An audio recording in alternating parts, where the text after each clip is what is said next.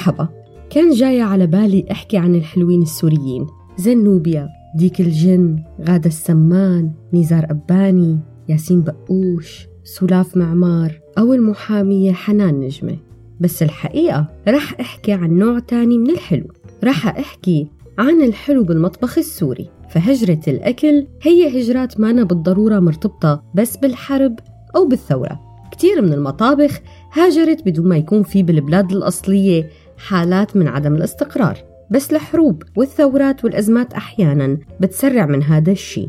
مشان هيك شفنا أنه الأكل اللبناني سبقنا بالانتشار ومثل ما إجا على سوريا القص العراقي خلال فترة اللجوء العراقي لسوريا سافر الأكل السوري وطلع ليروح لأماكن تانية. وأكيد من الأكلات يلي بتنتشر بهيك هجرات هي الحلو. والحلو السوري خصوصا له طابع خاص كان يفرض على كتير من العرب يزوروا سوريا قبل الحرب ليدوقوا الحلويات الشامية والحلبية والحمصية مثل البوظة والبقلاوة والبلورية وغيرها من الحلويات.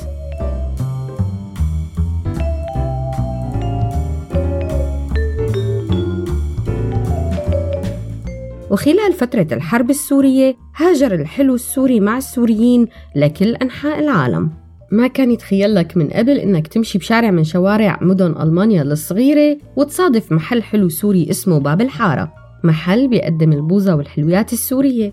أو إنك تمشي بشوارع المدن الأوروبية وتلاقي ماركات شهيرة للحلو السوري مثل الدمشقي ونفيسة وغيرها من الماركات.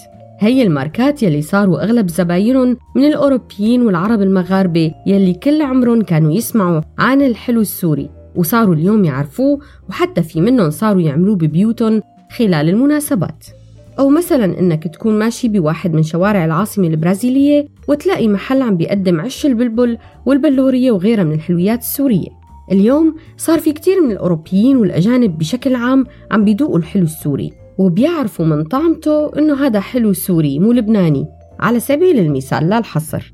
فمثلا حلو مثل البرازق اليوم صار من أشهر الحلويات بمصر. وصار يلي حابب يدخل السعادة لقلوب ناس بحبهم ما بيتردد إنه يزورهم وهو حامل معه صفة برازق وكتير مصريين اليوم ببرامجهم التلفزيونية صاروا يتغزلوا بالأكل والحلو السوري خصوصاً. أصلاً أحد أسباب محبة المصريين للسوريين هو المطبخ السوري.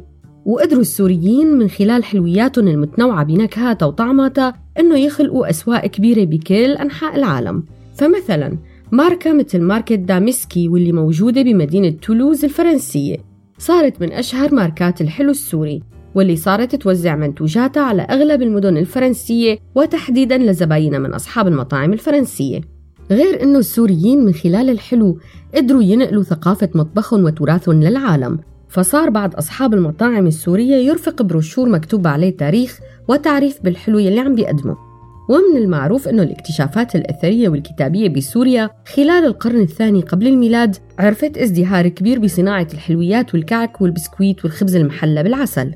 فبمملكة ماري وبإحدى غرف قصورة بالقرب من مطابخ الملك لاقوا أكثر من خمسين قالب من الفخار بشكل دائري ومستطيل وعلى شكل سمكة. كل هي القوالب استخدمها السوريين قبل آلاف السنين ليصنعوا حلويات المآدب الملكية. ويمكن هاد قالب السمكة نفسه يلي صار فيما بعد شطي مطي والله أعلم. وبهيك الحلو السوري بيكون لاجئ مو كتير خفيف على المعدة غير صالح للحمية لكن يدخل البهجة إلى قلوب المجتمعات المضيفة وبيقدم دليل تاريخي على قدرة السوريين على الإبداع وإنه ينقلوا هي الثقافة والحضارة مطرح ما راحوا.